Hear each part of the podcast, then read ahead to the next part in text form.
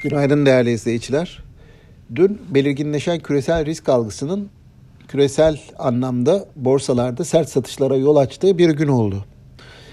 Ee, burada malum coğrafyamıza yakınlığı nedeniyle Ukrayna çeperinde gelişen gelişmeler, NATO-Rusya gerginlikleri e, bizim piyasamızda da sert hareketlere neden olabiliyor.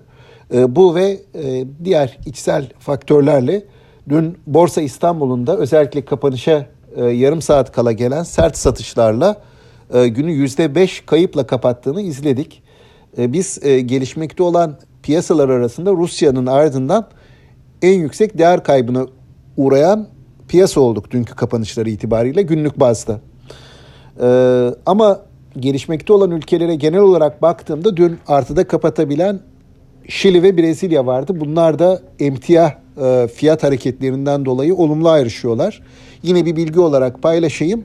Bu e, emtia fiyatlarındaki hareketliliği izleyen Standard Poor's endeksinde emtia fiyatlarının yılbaşından bu yana ortalama artışının dolar bazında %7 olduğu e, ortaya konuldu. Yine bir aylık dönemde de %13'e ulaşmış. Dolayısıyla bu iki ülkenin e, emtia ihracatçısı olarak olumlu ayrışmaları e, normal karşılanmalı. Bunun dışında piyasalarda e, gelişmekte olan ülkeler ve gelişmiş ülkeler satıcılı bir eğilim vardı.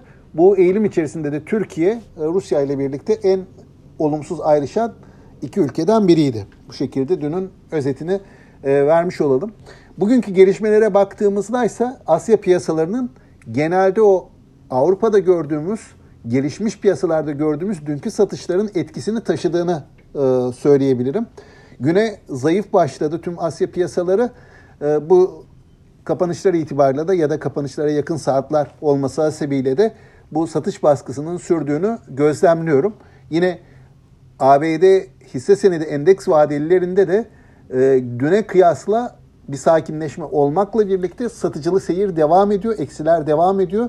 Dolayısıyla e, yeni güne de küresel tarafta satış baskısının sürdüğü bir atmosferde başlıyoruz bu eğilimlerin özellikle açılışta BIST'i baskılayacağını tahmin ediyorum.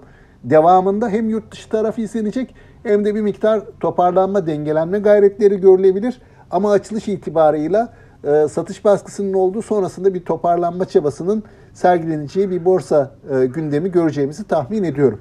Aktarmak istediklerim bunlar. Sağlıklı, bol ve bereketli kazançlı günler dilerim. Yeniden görüşmek üzere.